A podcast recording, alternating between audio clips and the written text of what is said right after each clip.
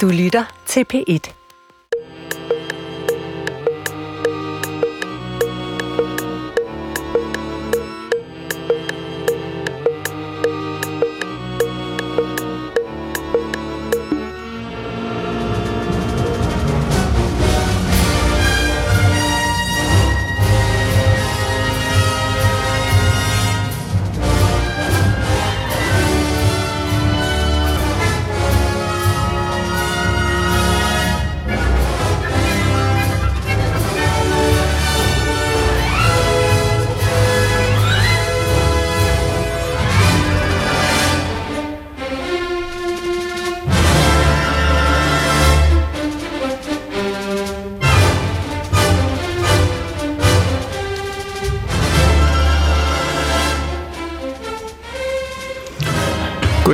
Mit navn er Peter Lund Madsen, og rigtig hjertelig velkommen til Hjernekassen på P1. Vi lagde ud med et stykke soundtrack, intromusikken til filmen Spartacus. En film, som jo handler om slaven Spartacus, der trænes til at blive gladiator, men Spartacus skal ikke udholde det umenneskelige liv i træningslejren. Han gør oprør, og oprøret spreder sig. Den her film den er instrueret af Stanley Kubrick. Det var hans første store film. Den foregår i Romeriet, og det er derfor, den er valgt til dagens introduktionsmusik, fordi i dag der skal det handle om Romeriet. Og øh, jeg har sat mine deltagere, gæster, øh, på en øh, i udgangspunktet fuldstændig umulig opgave, og jeg forventer heller ikke, den bliver løst. Men øh, vi vil gerne prøve at nå et kort ris gennem Romerigets historie. Øh, og øh, jeg sidder her vi har tre eksperter i programmet, og jeg har en gæst i studiet. Hvordan kan det lade sig gøre, spørger man sig selv. Det er fordi, at telefonen er opfundet. Øh, de to andre gæster, de sidder i Aarhus. Det er en løsning, som vi har prøvet før, øh, og øh, det er gået rigtig godt. Der er nogle få udfordringer forbundet med det. En af dem er, at jeg når jeg skal signalisere til gæsterne, at nu er taget tid, taletiden ved at udløbe, så kan de ikke se mine arme, når jeg fægter rundt med dem. Øh, så derfor så har vi aftalt, at vi simpelthen siger direkte til hinanden over mikrofonen, hvordan det er, hvis der er tiden er ved at løbe ud, så siger jeg, at tiden er ved at løbe ud, og så øh, fremdeles efter de principper. Det er med stor glæde. Og jeg vil sige, jeg vil ikke sige velkommen i studiet, jeg vil sige velkommen i programmet. Det er med stor glæde, at jeg byder mine tre gæster, Signe Grove Sakskær, Tønnesbækker Nielsen og Carsten Hjort Lange. Velkommen i programmet. Velkommen til jer. Velkommen til Hjernekassen på P1. Du lytter til Hjernekassen på P1 med Peter Lund Madsen. Og i dag der skal det handle om rområdet. Øh, man kan godt sige, at i dag skal handle om Europa. Det er et kæmpestort emne, men øh, vi gør vores bedste. Og min første gæst sidder her ved siden af mig. Signe Grove Sakskær, Ph.D. postdoc på Center for Urban Network Evolutions på Aarhus Universitet. Er det ikke korrekt? Det er fuldstændig korrekt. Velkommen til dig, og vil du ikke ganske kort fortælle lidt om dig og din forskning? Jo. Ja, nu har du jo fortalt, hvad jeg hedder. Øh, jeg er klassisk arkeolog, desforuden. Øhm, og øh, jeg forsker i, øhm, hvad kan man sige, sådan spredt fortalt, så er det de første tusind år, eller det første tusind før vores tidsregning. Så altså i den periode fra, at Rom opstår som en bosættelse, øh, og så helt frem til, at det faktisk bliver centrum i Romeriet, så altså en rigtig stor bid af historien. Øh, og det min forskning handler om, det er øhm, det her spændingsfelt, der bliver imellem, at, øh, at Rom går fra at være ja, ingenting til at blive center i, i øh, et imperie, øh, og underlægge sig undervejs en øh, lang række folk og byer. Øh, og det her spændingsfelt, der kommer til at opstå imellem de her øh, lokale identiteter, som bliver underlagt øh, det romerske rige, og så den romerske fælles identitet. Så sådan, hvordan det kulturelle fundament, kan man sige, for romeriet, øh, ja, hvordan det, det sige, det er lige netop det, vi gerne vil høre noget om. Det er jeg simpelthen så glad for. Så jeg stiller først på, hvor, hvor, hvor, hvordan startede det hele? Øhm, vi kan starte ved myterne. Ja. Det er jo så heldigt, når man arbejder med romeriet, hvis man ellers tager myterne for gode varer. Så ved vi, at øh, Rom bliver grundlagt den 21. april i 753 før vores tidsregning. Så det er jo dejligt med en fast dato. Øh, og det gør det af Romulus, øh, og mange af os kender måske øh, fortællingen om de her to tvillinger, Romulus og Remus, som, øh, som jo også i dag er at finde på øh, emblemet for Rom. Hvis du går rundt i Roms gader, så ser du hundulven, der har de her to tvillinge øh, brødre Dine under sig. Øhm, og øh, man kan sige, det er den mytiske fortælling, at det her det hele starter. Historien starter selvfølgelig før øh, tvillingerne, de er ved ulven. Det er faktisk sådan, når man ser på Roms grundlæggelsesmyte, så øhm, den er faktisk en sammenflætning af to forskellige myter. Der er en myte, som har øh, rod i det græske, sådan den episke tradition, som fortæller om Aeneas, helten fra Troja, som øh, jo rejser på tværs efter Troja, undslipper den trojanske øh, ja, krig, øh, rejser på tværs af Middelhavet, skal grueligt meget igennem, fordi han er ligesom udset til at skulle grundlægge Rom. Og han ender jo så med at komme til, efter han jo også har været i Karthago og hvem ved hvor, øh, ender med at komme til Rom, eller komme til Italien og grundlægge Rom. Det er den ene myte. Den anden myte er den her med tvillingerne Romulus og Remus, som, hvor det jo ender med at blive Romulus, der grundlægger. Øh, men, Ellers havde det hedder Rem. ja, hvem ved. Øh, men det er faktisk sådan, at de her to myter bliver flettet sammen, og det mener man, det gør i det 3. århundrede før vores tidsregning. Der bliver det sådan en kanonisk version af fortællingen, hvor øh, det har noget at gøre med, at på det her tidspunkt, så begynder man at have en meget, meget stærk indflydelse fra den græske øh, historiografiske tradition. Og det betyder, at de her begivenheder, de bliver festnet i forhold til olympiaderne, som ligesom er det, man har som, som tidsmålestok. Man siger jo ikke, noget var før Kristi fødsel øh, på det her tidspunkt. Det var noget, vi har fundet på senere hen.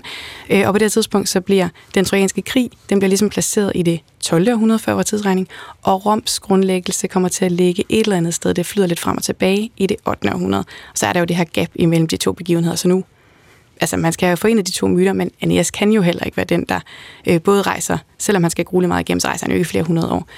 Øh, og derfor så øh, får man ligesom indfået nogle ekstra led i den her fortælling. Så det bliver sådan, at Neas kommer til øh, Italien. Han grundlægger ikke Rom, han grundlægger ligesom det, der skal lede til Rom. Han grundlægger øh, Lavinium, øh, og hans søn Ascanius, som han har med sig fra, øh, fra Troja, øh, han grundlægger sig Alba Longa, og Alba Longa kongeslægten leder sig ned til øh, det, der bliver til øh, Romulus og Remus. Så det er sådan den mytiske fortælling. Og så er der jo selvfølgelig en masse drama omkring det, fordi øh, det er jo ikke bare sådan, at Romulus og Remus er kongesønner, der øh, grundlægger øh, Rom. Øh, det er sådan, at øh, der er 11 generationer efter øh, Ascanius eller Julius, øh, øh, Aeneas søn, har grundlagt Alba Longa, der øh, kommer Numitor, kong Numitor til at sidde på magten, og han har en øh, bror, Amulius, som øh, raner magten fra ham. Øh, og for at være sikker på, at, øh, at der ikke kommer nogen og, og tager den tilbage igen, så han har en datter, Numitor kongen, der er blevet afsat, øh, Rea Silvia, og øh, hendes onkel, han får placeret hende som vestalinde, altså en præstinde, der ikke må få børn. Hvis så kommer der ikke nogen arvinger, der sker ikke noget.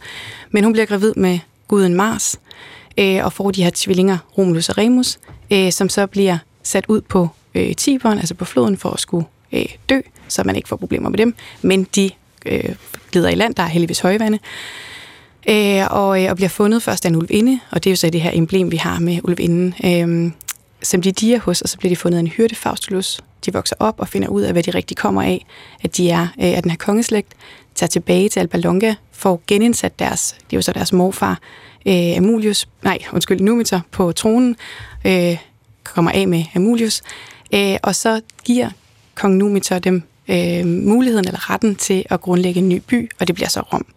Og så bliver de jo faktisk uvenner over, hvor de skal grundlægge den henne. Øh, det er ligesom, hvad for en af Roms syv mytiske, eller det er jo sådan set syv reelle høje, man siger, at Rom ligger på syv høje. Hvad for en af de her høje, den skal ligge på? Og de tager et fuglevarsel. Men de er også uenige om, hvordan man skal læse det, og ja, det ender altså med, at øh, Romulus simpelthen slår Remus ihjel og bliver ene grundlægger af Rom. Så sådan er det helt firkantet ifølge myterne med Roms grundlæggelse. I virkeligheden så kan man se, at fra omkring øh, set bronzealder, sådan noget 13. 12. århundrede før vores tidsregning, der begynder der at være aktivitet, der tyder på, at der er flere forskellige små bosættelser øh, i Rom og på Roms høje især. Og i blandt højene, der har man øh, gravpladser. Og så langsomt glider de her øh, bosættelser ind i hinanden og bliver til en, en øh, egentlig by. Og det var dengang, der var bronzealder i Danmark? Øhm, nej. Nej, det ikke. Det, det må jeg indrømme, det er jeg lidt i tvivl om. Altså, nu, jeg tænker jo i den italienske... Altså, italienske bronzealder? Ja, ja. præcis. Øh, altså, vi er i det 1200 før vores tidsregning, hvor ja. den første aktivitet øh, sådan opstår, men man kan sige, at når vi kommer ned til, at Rom egentlig er en reel by, altså en samlet by, en egentlig, ja, så er vi nok det falder jo sjovt sammen med myterne, men så er vi nok et sted, måske i det 9., men sandsynligvis i det 8. århundrede før vores tidsregning. Så det starter altså i virkelighedens verden med, at der er syv høje, som er rigtig gode at starte en landsby på, det gør, at der så syv landsbyer, der bliver startet på. Der er flere høje end syv, lidt, lidt flere høje, og det er sådan lidt, øh, altså syv har vi den her, det kan du jo også næsten fra forskellige myter og eventyr, hvad har vi? Syv er altid sådan et tal, der går igen. Øh, så de syv høje, det er lidt kunstigt, at der er faktisk med god vilje lidt flere høje. Men, men ja. det er et område med høje, hvor det godt kan Lige betale sig at- at bosætte sig, det er der mange, der gør, og så vokser det, og så vokser det sammen Ja, og bliver til en bosættelse. ja, lige nøjagtigt. Og det bliver så til Rom. Øh, og det gør det antageligt der i løbet af ja, det 9. og 8. århundrede, som jo så flugter fint med myten. Øhm, men myterne opstår jo noget senere. Øh, det er sådan, når man beskæftiger sig med, med Rom, så lærer man sådan meget skematisk, at øh, først der har vi kongetiden. Og det er jo så fra Romulus, han er den første konge i Rom, ifølge myterne. Og så er der syv konger i alt. Øh, og så efter de syv konger, den sidste bliver jaget på porten, Øh, det er Tarquinius øh, Superbus, og hans søn har øh, ja, voldtaget en romersk adelskvinde, og det bliver ligesom punktummet for, den, øh, for de konger. Øhm, og så bliver det Rom, den romerske republik indstiftet i 509 før vores tidsregning, og den eksisterer jo så ned til 27 før vores tidsregning, hvor øh, Augustus bliver, eller Octavian bliver Augustus, altså bliver kejser. Og republik, hvad betyder det? Konge, det ved vi godt, det er en konge, som øh, arver tronen. Men hvad, hvad kendetegner republik? Ja, man kan sige, det er jo måske ikke helt en republik, som vi forstår det i dag. Republikken er ledet af to konsuler og et senat, øh, så det er en form for, for republik, men det er jo ikke på den måde et, øh, et styre, som, som øh, alle tager del i. Det er sådan med det romerske samfund, meget skematisk set, så er det jo inddelt i tre klasser. Altså der er øh, patriciers-slægterne, altså den øverste del af samfundet, den gamle romerske adel, så er der plebejerne, som er middelklassen, og så er der slaverne. Og i de tidlige tider, der er det faktisk kun patricierne, der kan sidde på øh, politiske poster, og så bliver der så åbnet op for det også plebejerne. Øhm, ja, så, øh, så det er altså det er ligesom kun de, de gamle adelige, adel, adelige romerske slægter, der kan, der kan have medbestemmelse her. Ja, Så det er det, der kendetegner republikken, at det er adels, adelstanden Jamen, det bliver også beplejerne, men ja, i starten, der styrer det, Ja. og så bliver det middelklassen plebejerne. Men slaverne får slet ikke noget at skulle have sagt. nej, det gør de ikke. Nej. Det gør de ikke. Nu havde vi jo Spartacus fra start. Ja. Ja. Og hvad sker der så? Jamen, altså det, der er øh, interessant ved de her myter, øh, hvis, man, hvis vi går tilbage til det, hvordan den her fortælling... Øh, nu sagde jeg før, at, øh, at min forskning blandt andet handler om det kulturelle fundament.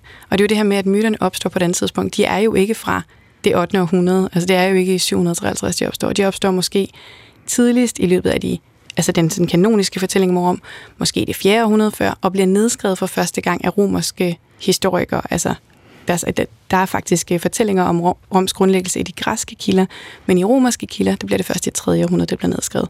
Men dog på græsk, fordi man er meget inspireret af den græske verden. Så det er 300 efter Kristi? Nej, før, Før vores tidsregning ja. Men det er jo flere hundrede år efter Yes. begivenhederne antageligt skulle have fundet sted.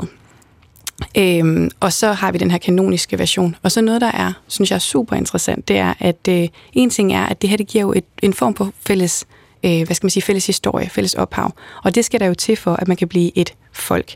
Nogle gange, når vi tænker på Romeriet, i hvert fald man er fristet til det, så ser man det som en statisk ting. Et stort rige, der bare var. Men det, er jo et, øh, det udvikler sig jo i løbet af de her mange hundrede år, det består. Og det gør den romerske identitet også. Og det har været vigtigt at have en form for fælles kulturel ståsted. Og det er den her oprindelsesmyte eller historie om det tidlige Rom en del af. Øh, og det er ikke bare en historie om et, om et land eller om en nation, eller hvad skal man sige. Det er også en historie om de enkelte, rom, enkelte romerske slægter. Fordi noget andet, der bliver vævet ind i den her mytefortælling, det er, eller måske den vævet af de her fortællinger, det er patricierslægterne først og fremmest. Og patricieslægterne, Det er den romerske adel. det er de meget fine gamle slægter, Ja, der har bestemt i mange, mange år. Lige nøjagtigt. Ja. Og de kan alle sammen, uden undtagelse, ligesom spore deres slægt tilbage til de tidligste tider. Så hvis man ikke direkte nedstammer fra en af de her syv mytiske, eller mere eller mindre mytiske konger øh, fra det tidlige Rom, så kan det være, at man nedstammer fra en af de trojanske helte, der kom med Aeneas øh, overfra efter øh, Trojas fald. Så man har altså en, en, øh, en slægtshistorie, der går helt tilbage. Og, øh, og man har tit også et guddommeligt ophav. Øh, så for eksempel, hvis man skal tage et eksempel, så Julius Caesar, som vi alle sammen kender, øh, hans slægt, altså ju, den juliske slægt, gens Julia, de mente, de nedstammede lige nøjagtigt fra Aeneas søn, Ascanius, som også blev kaldt Julius. Heraf kom de til at hedde Julierne. Og det er sådan, at øh, Aeneas, hans mor, er øh, gudinden Venus. Så på den måde så havde de ikke bare en øh, lang og edel øh, slægt fyldt med helte og konger, men altså også et guddommeligt ophav. Og det er de overhovedet ikke enige om. Det er der rigtig mange af dem, der havde. Og det var en konkret... Det var, det var, det var ikke noget, man sagde for sjov. Det, men mente det, ja, ja. Cæsar har ment, at langt, langt ude, ja. der er han med for, i, i, i, i familie med en gud. Ja, og, og det er ikke engang, øh, det er ikke engang sådan noget, Cæsar har fundet på, fordi han var ekscentrisk. Det kunne man jo godt øh, have mistænkt for. Men øh, nej, altså faktisk, der er flere øh, jul, den juliske slægt allerede i andet århundrede, øh, før vores tidsregning, så vi er i den senrepublikanske periode. Øh, der er der øh, flere tidligere end ham, der, der begynder at reklamere med, eller ligesom, hvad skal man sige, øh, bruge det som en del af deres øh, selvforståelse, selvfortælling, øh, blandt andet ved at slå øh, Venus afbildninger på deres mønter, for ligesom at vise, at øh, for eksempel Sextus øh, Caesar, han, Julius Caesar, han slår så øh, Venus på den ene side af mønten, sådan ligesom for at minde, minde om det her øh, guddommelige ophav. Så, øh, så Julius Caesar er ikke den første til at gøre det, han er måske den, der gør det bedst øh, i den slægt, og han er heller ikke alene, det er ikke kun Julian, der har den her for os nærmest vanvittige idé. Det er stort set alle patricierslægter, og med tiden også en del pebajerslægter. Så hvis jeg lige skal opsummere, hvis man nu tager de to parallelle forløb. Det ene forløb er, at der er et eller andet sted i det nuværende Italien, hvor det er rigtig godt at bruge forskellige årsager. Der er nogle høje, de bliver befolket, de slår sig sammen. Det bliver til en større by, den bliver større og større, og på et tidspunkt bliver den til, til en, et, en enhed, der består af en hel masse forskellige mm. folkeslag.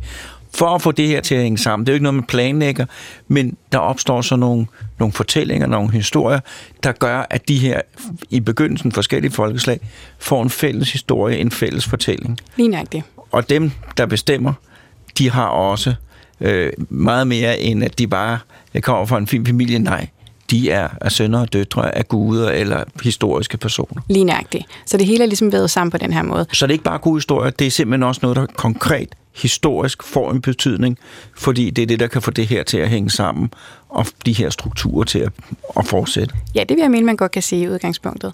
Øhm, og så er det klart, at øh, det er lidt svært for os i dag at vide præcis, hvilken betydning det havde. For eksempel, at du skulle have en politisk karriere. Om det var vigtigt, at du ligesom havde et, øh, et guddommeligt ophav, for eksempel, eller præcis hvilken grad det her det var vægtet.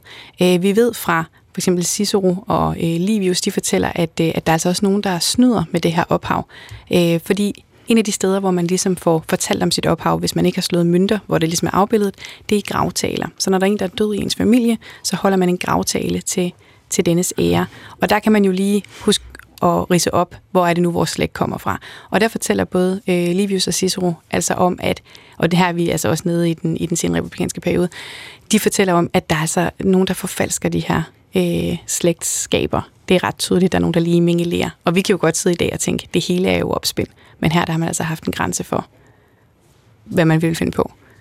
Jamen, de, hvis, hvis historien er rigtig gammel, så er det jo ikke opspændt. Så er det jo en gammel, nobel tradition. Men hvis jeg blev i Romeriet, og så lige havde fået flettet en gud ind øh, til, til min fars begravelsestale, så ville det være, det ville jeg godt vide, hvorfor. Men, øh, men, men, men hvis går den, så går den. Jamen, det er jo mm. det. Altså, en, der blandt andet er i hvert fald beskyldt for at have gjort det, er Marcus Antonius, som påstår, at gens Antonia, altså hans øh, slægt, skulle nedstamme fra Herkules, og det skulle, altså, som jo er en halvgud, og det skulle være øh, via en søn af Herkules, som man ikke sådan rigtig har belæg for ellers optræder. Så det er nok noget, måske han har fundet Det er på. fake news simpelthen. Ja, jamen det kan man godt sige der. Ja. Men altså, hvis vi tager det, så starter det så med kongedømme, med konger, Mm. dernede, ved nedarvet, direkte øh, i blodlinjen nedarvet magt. Så kommer der en republik, hvor det er de her store slægter, øh, der bestemmer i starten, og senere for plebejerne, middelklassen også, lidt at I skulle vigtigste slægter i hvert fald, Ja. Bebarne, ja. Øh, og så, så kommer så øh, kejserdømmet, Ja. som, vi, som, som vi taler med en anden gæst om. Ja, lige nok det. Ja. Øh, øh, er det nogenlunde oprids af, hvordan det starter? Ja, det kan man sige, det er. Og så skal man jo bare øh, huske, eller holde sig for øje, at de her årstal, fordi vi har jo, som jeg sagde før, meget firkantet. Vi ved lige nøjagtigt, at der var syv konger. Byen var grundlagt på syv høje. Øh, det var fra 753 og ned til 509. Det er altså nogle, hvor øh, republikken blev indstiftet. Det er altså nogle, hvad skal man sige, ja, fiktive tal. Det er simpelthen noget, som man senere hen i den republikanske og måske mellemrepublikanske og senrepublikanske periode øh, regner sig tilbage til ud fra magistratlister, og så får man ligesom fastsat de her forskellige tidspunkter. Og man kan sige, at den her idé om, at Rom bliver øh, grundlagt lige nøjagtigt øh, i Den 7. 21. marts. ap- april godt nok, men ellers, 21. ja. april, ja. Ja, det er noget, øh, der faktisk først bliver stedfæstet i første århundrede før vores tidsregning. Ja. Så der er vi altså ret langt fra begivenhedsregning. Men ja, det er fuldstændig rigtigt. Det er, øh, Vi har jo også en dato for, hvornår Dannebro faldt ned fra himlen. Jamen, det er rigtigt. Ja, Og det er godt at kunne have en dato. Ja. 15. juni. Ja. ja ikke? jo. Øh, I Estland. ja, Ja, er det ikke det? Letland. Letland måske? Ja, men okay. Det var Est- Estland, Letland. Vi har lige haft en af flere, jeg burde vide det. Øh, det var sådan et sted. Et af de tre. Estland. Tusind tak, Jamen, fordi at du vil komme og sidde her i studiet, i det store øh, P1-studie i Jamen, det- København. Øh, fornøjelse. og øh, nu vil vi jo så stille om øh, øh, via telefon til Aarhus, og den første, jeg stiller om til, det er Thomas Becker Nielsen, lektor. Phil, Institut for Historie på Syddansk Universitet. Du lytter til Hjernekassen på P1 med Peter Lund Madsen. Jeg, jeg er glad. Det er, det er Morten, der lige tog en lille vals på, øh, på vores jingler, på jingleåret. Tønes Becker Nielsen, er du der? Yes. Godt. Øh, tak fordi, at, øh, at, du vil, øh, at du vil tage ind i studiet. Øh, og jeg hører, I har fået kaffe og, og er blevet nogenlunde øh, passet på, ikke? Yes. Vi, du har hørt med her, vi har jo nået øh, i den hurtige overflyvning, der bliver, vi har nået til, øh, til, vi, til, hvordan republikken var. Så kom kejserdømmerne. Kan du fortælle noget om, hvordan, hvad der skete der? Ja, det kan jeg godt. Men må- Øhm, undskyld mig, jeg afbryde dig, Ja, fordi jeg glemte at stille første spørgsmål. Det var de jingler, der bringer mig helt ud af, af, af, af, af koncept. Øh, vil du starte med at fortælle lidt om dig selv? Ja, det vil jeg da gerne. Jeg er oprindeligt uddannet i historie og kunsthistorie, og så har jeg i mange år undervist på Syddansk Universitet i oldtidens historie, og øh, det, jeg navn, jeg har forsket i, det er det første årtusinde efter Kristus, og det, der særligt interesserer mig, det er, hvad der får samfund til at hænge sammen. Ja. Og øh, der er romeriet jo et rigtig, rigtig interessant emne at arbejde med, fordi romeriet faktisk hænger sammen, både sådan i bredden, det bliver meget stort, og det hænger sammen meget længe. Og det gør det lidt unikt i forhold til de fleste andre samfund i antikken. De fleste bystater forbliver bystater. Du kan tage et samfund som Sparta, som i mange henseender ligner Rom, starter som et lille bondesamfund og egentlig aldrig kommer videre, mens Rom jo altså ender med at beherske et område fra Skotland til Sahara. Fordi Spartus, det er bare en, det er en stor by, der kan holde sammen på sig selv. Men Rom, det er en hel masse forskellige byer, lande og riger, som man får, får til at, at blive en sammenhængende enhed. Ja, og som Signe siger, en sammenhængende identitet, det er nok det vigtige i det. Ja. Og hvis vi nu skulle, bare lige for at få det overordnet klart, gå fra republikken til kejserdømmet, hvad er det så, der sker der? Ja, det er jo i virkeligheden Carsten, der skulle svare på det. Jamen, så gemmer vi den til Karsten. Ja, skal vi ikke gøre det? Jo. Ja. Så vil jeg gerne stille spørgsmålet, hvad var det, der gjorde, at romeriet kom til at hænge så godt sammen? Ja, se, det var et rigtig godt spørgsmål. Det var meget bedre. Jamen, det var, Øh, fordi at folk spørger altid, hvad der fik romeriet til at falde. Og det rigtig gode spørgsmål, det er, hvorfor det var så længe om at falde. Og der vil jeg da sige, at der er, jamen, der er flere ting. Der er det der med den fælles identitet. Og igen, hvis du sammenligner med Sparta, så var det et kastesamfund, hvor alle andre var udenfor, og en lille elite ligesom var de rigtige. Men i Rom, der tilbyder man de erobrede folkeslag, at de som kan være en del af setup'et. De kan komme ind i de gode familier, de kan få embeder, de kan da komme i senatet, og når vi når op i andet århundrede efter Kristus, så ser vi endda, at folk fra provinserne kommer på kejsertronen. Altså vi har Trajan, som er spanier, og senere har vi Konstantin, som er serber. Og det vil jo svare til for eksempel, at en inder kunne være blevet konge af England, hvilket vil nok for de fleste ville have været en utænkelig tanke i imperialismens storhedstid. Så romeriet har den der inklusivitet, altså alle kan være med, i hvert fald inden for visse rammer. Og så er der også det med infrastrukturen, altså at man virkelig sørger for at have et kommunikationssystem, som gør, at man kan kommunikere øh, hele året rundt og på rimelig tid. Man kan føre både beskeder, altså depecher, men også soldater og ressourcer fra det ene hjørne af riget til det andet. For eksempel takket være de her meget berømte romerveje, som, hvor jeg mange stadigvæk er i brug faktisk. og, og, og hvordan, hvordan, fordi det her, det er jo, det er jo rigtig godt tænkt. Det lyder jo som modern management, det der med, at man, man er inkluderende og ikke ekskluderende for mm. at, at, at, øh, motivere folk og, og holde spændingerne nede. Hvor kommer de idéer fra? Ved man noget om det? Nej, det ved man faktisk ikke. Det man kan sige, det er, at det har været prøvet før, fordi at perseriet, som jo har en meget dårlig presse på grund af den græske historieskrivning og perserkrigene, har faktisk noget af den samme inklusivitet. Men der er ingen grund til at tro, at romerne er blevet inspireret af perseriet. Det er mere sandsynligt, at det er en form for trial and error. Man har gjort sig den erfaring, at det her det fungerede. Og der skal du lige huske, at romerne har meget længe, de har meget lang tid til at øve sig på det her. Fordi inden de begynder at lave et verdensrige, så starter de jo med at få deres lille landsby ved Tiberen til at dominere hele Italien. Mm. Og det gør de ved den her politik, som vi plejer at kalde fordel og hersk. Og det lyder sådan meget kynisk. Men det, det handler om, det er, at man nedkæmper nogle af sine fjender, men dem, som ikke går i krig med en, dem belønner man ved at give dem en del i de privilegier, som hører til at være romersk borger. Så det er sådan set en tidlig form for den der inklusion, at man hele tiden sørger for at inddrage nogle af sine naboer. Øh, der er også en amerikansk historiker, han hedder Bickerman, som har kaldt det øh, Unite and Share the Plunder. Vi går sammen, og så deler vi rovet. Og det er sådan set den politik, som man har held med i Italien.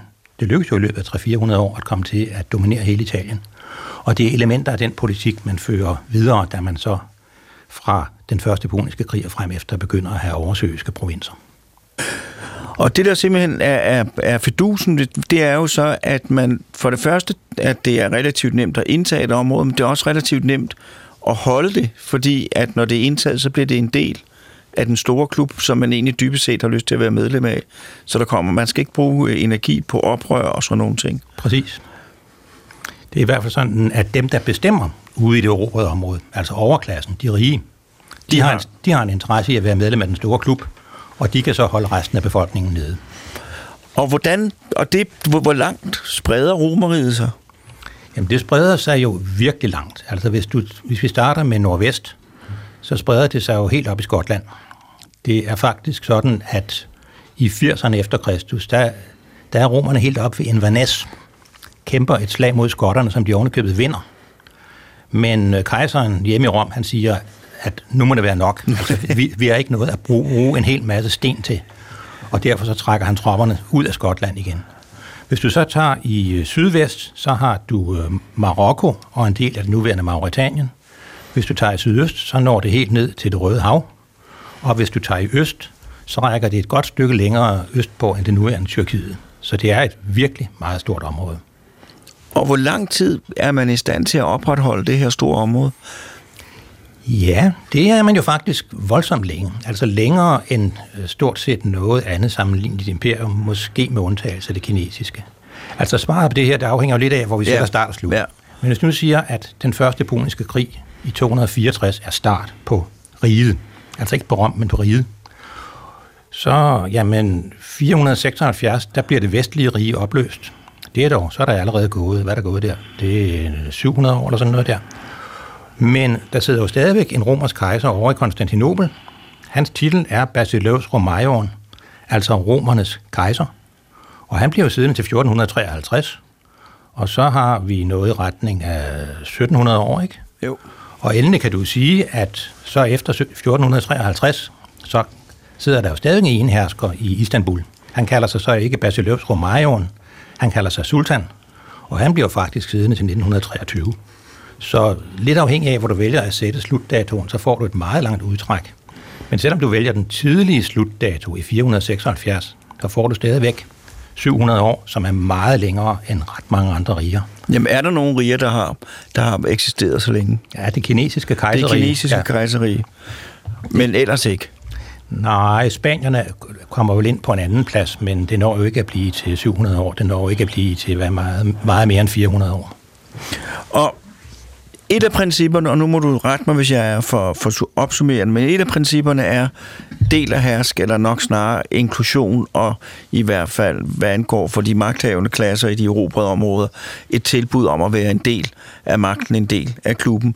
Og så, så er der infrastrukturen. Kan du fortælle noget mere om den? Jamen, det kan jeg godt. Det er noget, der faktisk følger meget tidligt, altså en del af det her romerske program, allerede i øh, 400-tallet før Kristus, der er man godt klar over, at det gælder om at beherske øh, transportruterne, ganske særligt den vej, der fører fra saltlejrene ved Ostia forbi Rom og op i bjergene bagved, den vej, som stadigvæk findes og stadigvæk går under navnet Via Salaria, altså salthandlervejen. Og det er jo fordi, at oppe i bjergene er man afhængig af salt. Det skal vi jo alle sammen have. Og øh, det kan man kun få som havsalt. Så Rom sætter sig meget tidligt på den her vigtige transportrute for salt. Og så har man jo lært noget der om, at det er smart at kontrollere transportruterne. Så da man begynder at indlemme andre territorier i Italien, så bygger man veje. Den første store vej, det er Via Appia, som bygger i 312 fra Rom og ned til Kampanien. Og den forlænger man så trinvis. Og i 240 så har man nået helt ned til Italiens støvlehæl. Og på samme måde i de andre retninger i Italien, så bygger man veje i takt med, at man annekterer nye territorier. Og det her øh, system, det, det viderefører man. Så i provinserne bygger man tilsvarende veje, som forbinder provinshovedstaden, altså der, hvor stadholderen har sin øh, bolig, sin kontor, med hjørnerne af provinserne. Og det betyder altså også, at hvis du for eksempel, hvis du rejser i Frankrig, så er der rigtig mange af de veje, der i sin tid forbandt Lyon med alle hjørner af Frankrig, som stadigvæk er i brug.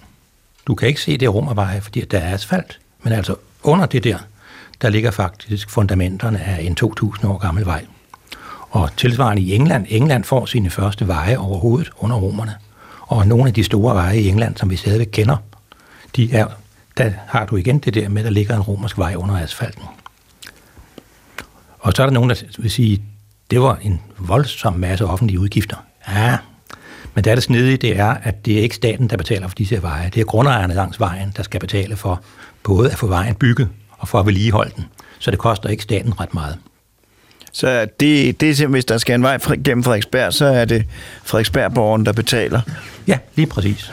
Øh, med eller en metro. Eller en metro, men så er det jo også med et løfte om at, at, at, at blive en del af det hele, og man kan jo sælge en masse ting og, og købe en masse ting. Så, så det er også noget, folk er interesseret i at bidrage til. Ja, og så skal du så også huske, at sådan en vej, altså det er jo 95 procent øh, muskelkraft, og så 5 procent sten og grus, som ikke koster noget særligt. Og i et landbrugssamfund som det romerske, der er der et overskud af arbejdskraft en meget stor del af året, fordi det er så sæsonbetinget. Altså, der er perioder af året, hvor der ikke er ret meget at lave.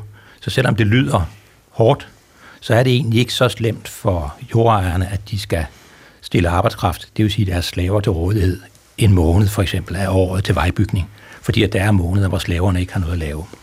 Der er lige frem, vi har en romersk, øh, vi har en håndbog for godsejere øh, fra 2. århundrede før Kristus, hvor der lige frem står, at man skal sætte slaverne til at rense grøfterne og holde vejen ved lige, fordi at ellers finder de bare på gale streger, når de ikke har noget at lave.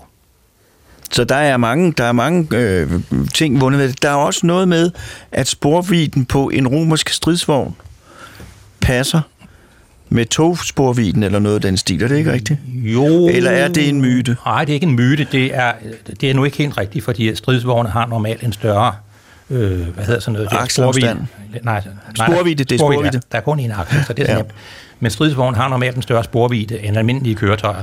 Lidt ligesom at en Hummer har en større sporvide end de fleste biler.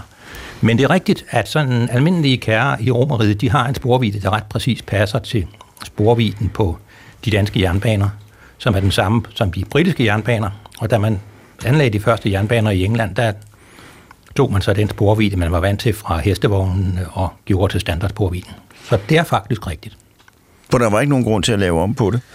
Så, så det man sige, to store opfindelser eller, eller instrumenter, romerne betjente sig af, det var, det var den der magtfordeling, eller magtinklusion, og så øh, infrastruktur. Var der andre ting?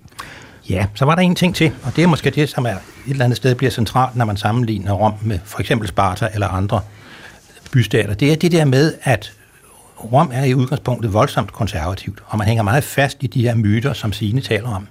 Men samtidig så er man tilpasningsdygtig, fordi man er i stand til at lave systemet om og bilde folk ind, at man ikke har ændret noget.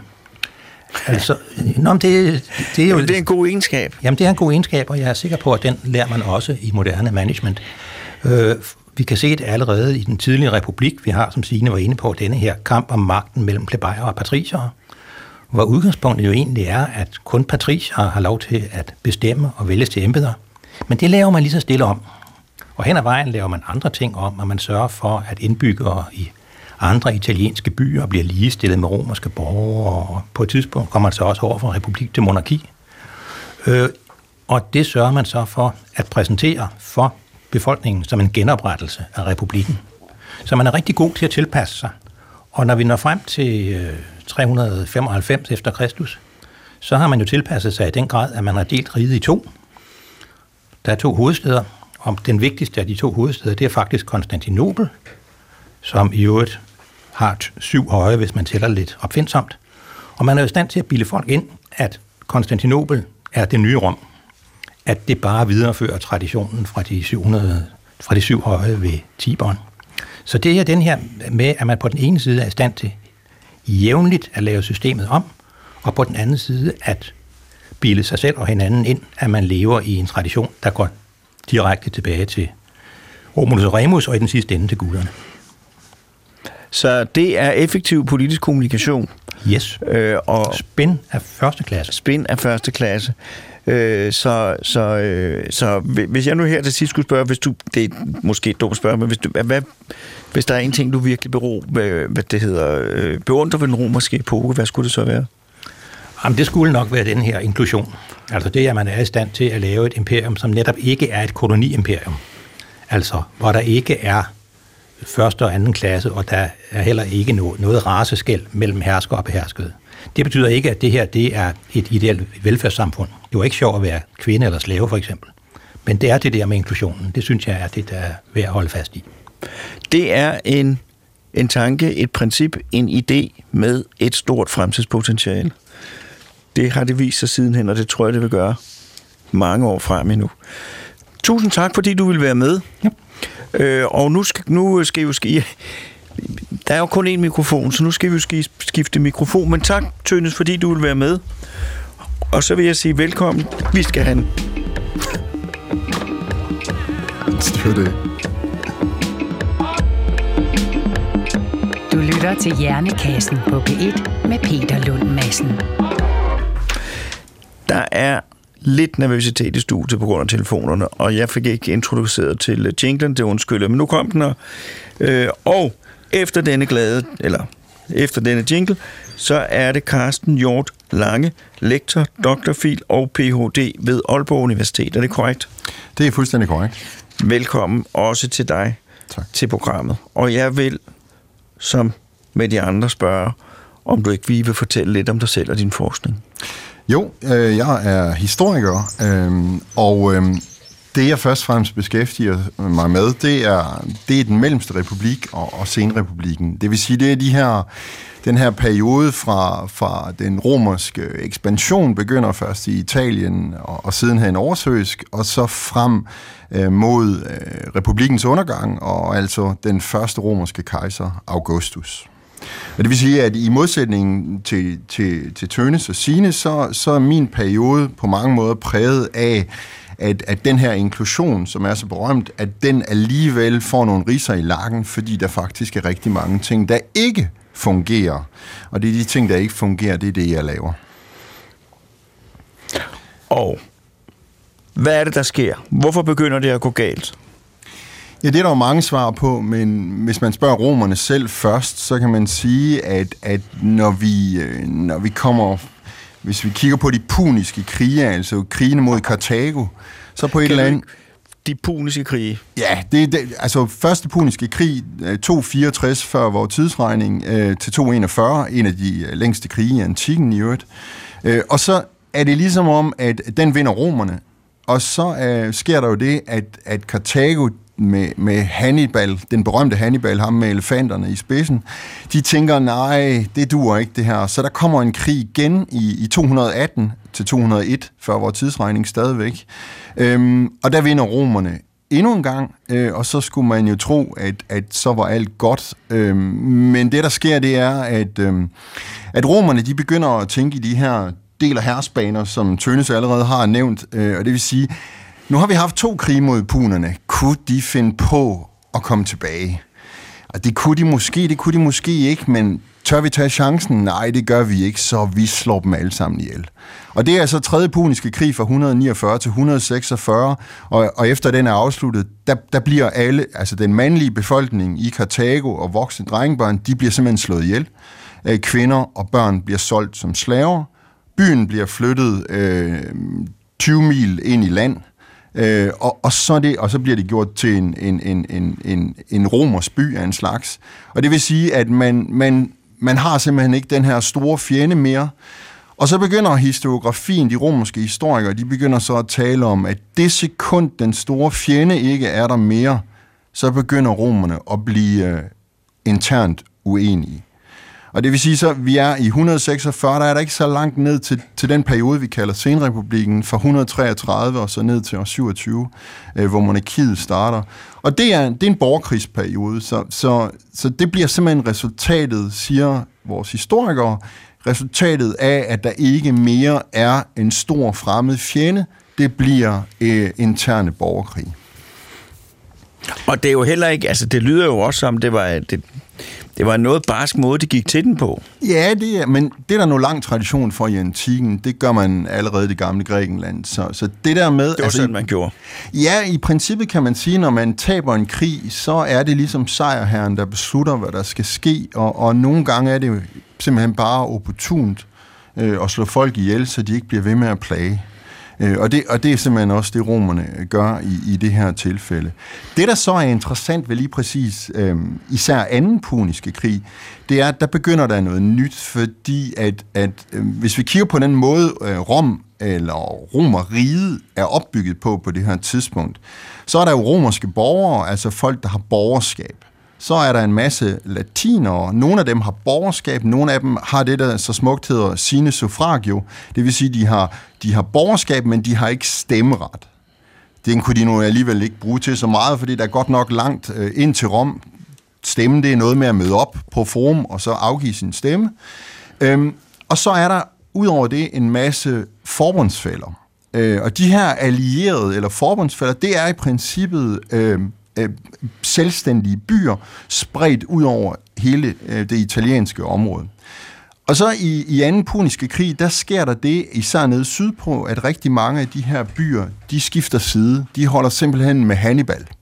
Og de gør det jo fordi, at, at efter især slaget ved Cannae i, i 216, hvor romerne får lastlige klø, øhm, tallene er som altid omdiskuteret, men, men, men øhm, der er altid så meget tale om, at, at den, den drabligste dag i Første Verdenskrig på britisk side, den, det er det, det her berømte ved sommer, sådan noget, hvad er det, 16.000 øh, døde og sårede på en dag, og vi taler her om, at, at Rom måske mister op imod 40.000 mand på en dag.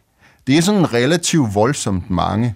Og så vil man jo sige, så logikken besiger, at så går riget under, men det gør det ikke, fordi at det Tønnes har talt om, man opstiller simpelthen bare en ny her, fordi man har udvidet det her borgerskab, fordi man har været inkluderende. Og det er sådan set rigtig fint. Men de her byer, der så skifter side, der begynder den romerske historieskrivning, de begynder at tale om, om rebellioner, om revolter. Det er altså folk, som er, på latin hedder de føderati, de har en, en kontrakt eller en, en traktat med Rom, og de skifter så side, og det bliver opfattet som noget illegitimt at, man revol, øh, at man, der er revolte, det er noget med, at man, man er en del af et eller andet, og det skiller man sig så ud fra. Lidt ligesom den amerikanske borgerkrig, altså nord-syd-konflikten. Øh, og det dur jo ikke, så, så, så det bliver der styr på. Der er en masse byer, der bliver straffet, men det giver også en forståelse af noget nyt, nemlig øh, at romerne begynder at tænke på deres verden som det romerske imperium hvor folk, hvis de i en eller anden grad har noget med Rom at gøre, ikke bare mere kan få lov til at gøre, hvad de selv vil. Og hele den her udvikling, den, den får så et ekstra niveau øh, nede i 133, fordi at, at det her med at styre et, et relativt stort imperium, men med nogle politiske øh, strukturer, som jo egentlig er en bystatsstruktur, øh, Øh, ligesom øh, Athen øh, og, og Sparta og alt muligt andet i... Øh, ja, det Sparta er måske et dårligt eksempel, men, men ligesom så mange øh, græske bystater.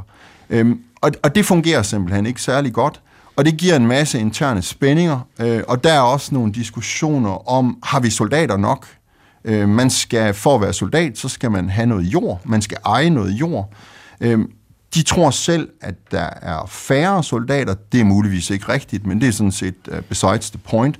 Så der kommer nogle, øh, nogle folketribuner, øh, blandt andet to berømte brødre, som gerne vil give øh, jord til nogle folk, øh, og der kommer en, en militærreform øh, på cirka samme tid, øh, som også handler lidt om det samme. Øh, og, og det, der bliver problemet, det er jo, at den her konservative overklasse, de her patricier, ikke mindst, men ikke øh, kun, det vil de ikke gerne være med til, fordi det betyder blandt andet, at når man nu erobrer et område et eller andet sted, så er der noget i jorden, der bliver af og publikus, det bliver offentlig jord.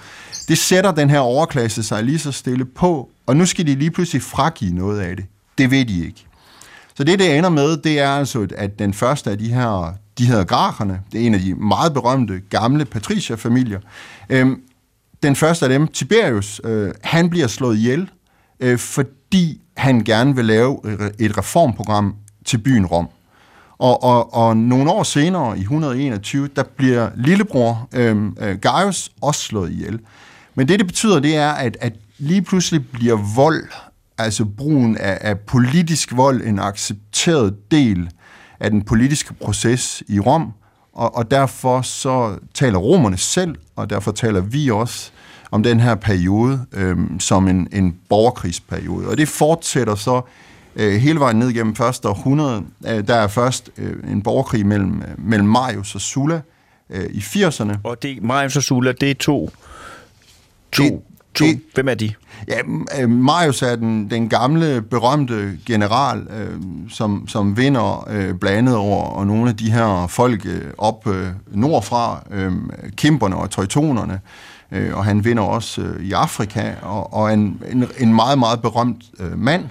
Øhm, og, og så er der Sula, som, som kommer fra en gammel fornem øh, familie, og de kan, ikke, øh, de kan ikke blive enige om, hvem det er, der skal have lov til at gå i krig øh, over østpå mod en, en fyr, der hedder Mithridates, øh, som kommer op fra, fra Pontos, øh, Betynien-området, øhm, øh, omkring Sortehavet i det nuværende Tyrkiet cirka. Så, så i den uenighed, der, der sker det simpelthen det, at, at, at øh, Marius får, Sulla får tildelt en kommando mod Mithridates, og så sker der det, at da han er taget sted, så øh, er der endnu en folketribun, det er altid en folketribun, som giver magten til Marius, øh, og Sulla bliver sur, vender om, indtager byen Rom. Det er første gang i historien, at øh, Rom bliver indtaget af en anden romer. Øh, og og så, så tager han så afsted igen, og da han kommer tilbage øh, nogle år senere, jamen der, der, der viser det sig, at øh, Marius øh, han dør, men han har også en søn, den yngre Marius, pudsigt nok. Øh, og, og så fortsætter de her kampe, øh, og, og det ender så øh, med et slag, øh, hvor, hvor man igen øh, går relativt voldsomt til værks efter, at, at Sulla har sejret. Øhm, der er der en masse folk, som, som bliver genet ind i, i noget, der hedder Villa Publica. Det er normalt et sted, hvor man har øh, diplomater og lignende, der kommer fra, fra andre nationer. Det kunne være fra Indien eller et eller andet. Øh, de, de bor der, når de, inden de kommer ind og skal tale med senatet. Øh, og der slår han simpelthen, eller får slået en masse mennesker ihjel. Øh, og vi taler tusindvis af folk, der simpelthen bliver henrettet brutalt. Øhm, og dermed at den her, den her øgning af den politiske vold, men samtidig øhm, det, der er nyt øh, under Sulla Marius-konflikten, det er, at, at nu har vi lige pludselig to store øh, hære stående over for hinanden, og det vil sige, at vi begynder at ramme det her udtryk, som vi kender så godt, øh, nemlig ordet borgerkrig, som kommer af det latinske bellum øh, civile, altså en, en, en bellum, som er en krig, og krig, det tænkes i de her sammenhæng som en konventionel krig, øh, det vil sige med to store herrer stående over for hinanden på slagmarken. Øh, Og det, der er afgørende, det er, at de er borgere på, på begge sider, de har romersk øh, borgerskab. Så det er det, der er, ligesom er nyt i den her konflikt mellem Marius og Sulla. Og så sidenhen, så, så blusser det op igen. Øh, der er nogle forskellige øh, former for uroligheder indimellem, men så blusser det op igen, øh, da, da Caesar øh, går over Rubicon. Øhm, og det bliver så den her øh, borgerkrig mod, mod Marius og mod øh, store dele af senatet. Øh, undskyld, Marius, siger jeg. Pompeius hedder manden. Pompeius den store. Tønnes er så flink og, og ser ud som om, at han var blevet ramt af et eller andet. Han hedder selvfølgelig øh, Pompeius den store. Øhm, og, og, og det er så den anden runde af borgerkrigene, som, som ender med, at, at Cæsar vinder, og han bliver så øh, udnævnt til diktator. Øh, og, og det er der jo nogen, der er så, at det er egentlig en relativt traditionelt romersk embede. Man, kan, man har normalt to konsuler, men i krisetilfælde kan man have en diktator, så sidder man et halvt år. Øh, de to konsuler sidder normalt et år. Øh, og, og så trækker man sig tilbage. Men Caesar, han bliver det altså for, for resten af, af, af egen levetid, perpetus, og det, det dur jo ikke. Så er der nogen, der bliver sure. Så der kommer det her berømte øh, mor på Cæsar, øh, hvor, hvor Cæsarmorderne de altså slår til, fordi de gerne vil prøve noget nyt. Og det indvarsler så den sidste runde af alle de her borgerkrige øh, mellem øh, først Cæsarmorderne på den ene side, og så øh, Marcus Antonius, som vi har hørt om, øh, og, og så den unge Cæsar, eller Octavian, ham der senere bliver til Augustus. Øh, Øh, og så, øh, da de her Cæsarmorder bliver slået i, øh, ved slaget ved Filippi, jamen så, øh, så bliver uenigheden mellem de her to andre hovedfigurer, øh, den bliver sådan lige så stille større ned igennem øh, 30'erne, og, og så i år 32, der erklærer, der erklærer senatet, øh, eller det senat, der er i Rom i hvert fald, med unge Cæsar i spidsen, de erklærer krig mod Kleopatra, øh, og så Øhm, så får Kleopatra hjælp af Marcus Antonius, som jo er romers borger, og dermed ender Marcus Antonius til at gøre en ekstern konflikt til en intern konflikt. Det bliver altså en ny runde borgerkrig, og det slutter så øh, først i år 31 ved det berømte slag ved Actium, øh, Nordvestgrækenland, et flådeslag, øh, og så året efter ved indtagelsen af Alexandria 1. august. Øh, og så begår Marcus Antonius og Kleopatra, de begår selvmord. Og så er der ligesom kun en mand tilbage, øh, der sidder på flæsket. Øh, og så er der en overgangsperiode, indtil han så i år 27 øh, bliver til, til Augustus. Og, og dermed jo den første, der bærer det navn, som alle kejser øh, i resten af romersk tid øh, bærer. Men man kan sige, nu her hvor tiden render ud, at det romerige, som opstår og bliver stort på at samarbejde øh, og holde sammen i vores bredeste betydning. Nedturen begynder, da man begynder at slås med hinanden. Ja, det må man sige. Og øh. det er jo, øh, det er jo en universel lære, som, som er blevet repeteret mange gange i menneskehedens historie. Det er det. Øh, nu har du øh, 20 sekunder til at besvare på det her spørgsmål. Er der nogen tegn til, at, øh, at, at, at vores system er ved at gå ned ligesom romeriet? Eller er vi ikke rigtig begyndt at skændes for alvor endnu? Jamen, jeg synes, man kan, man kan jo sagtens se øh, grader af polarisering i, øh, også i Danmark, men da eksempelvis i et land som USA, hvor man jo unægteligt godt kan tale om det, der foregik i januar måned, om, omkring øh, The Capital Rights, øh, ligner der jo nægtelig nogle af de ting, som foregår i, i Romeriet i perioden, inden det bliver til rigtig krig. Stasis vil, øh, vil grækerne kalde det. Så, så når der er når folk står og råber og skriger hinanden og tror det værste om hinanden, så skal de tænke på romeriet, øh, og hvad der blev begyndelsen til enden på det. Det lyder som en god idé. Ja, jeg vil i hvert fald sige, at øh, jeg vil gerne takke jer alle sammen, øh, fordi at I mødte op der, hvor I mødte op, og fordi at I deltog i det her program på så produktiv en vis. Tak for det. Jeg tror ikke, vi er færdige med romeriet her i Hjernekassen. Næste gang, der hedder emnet Nobelmetrik, øh, og det er jo et godt ord, øh, og det dækker over øh, viden om Nobelprisen. Hvem får den? Hvad skal der til?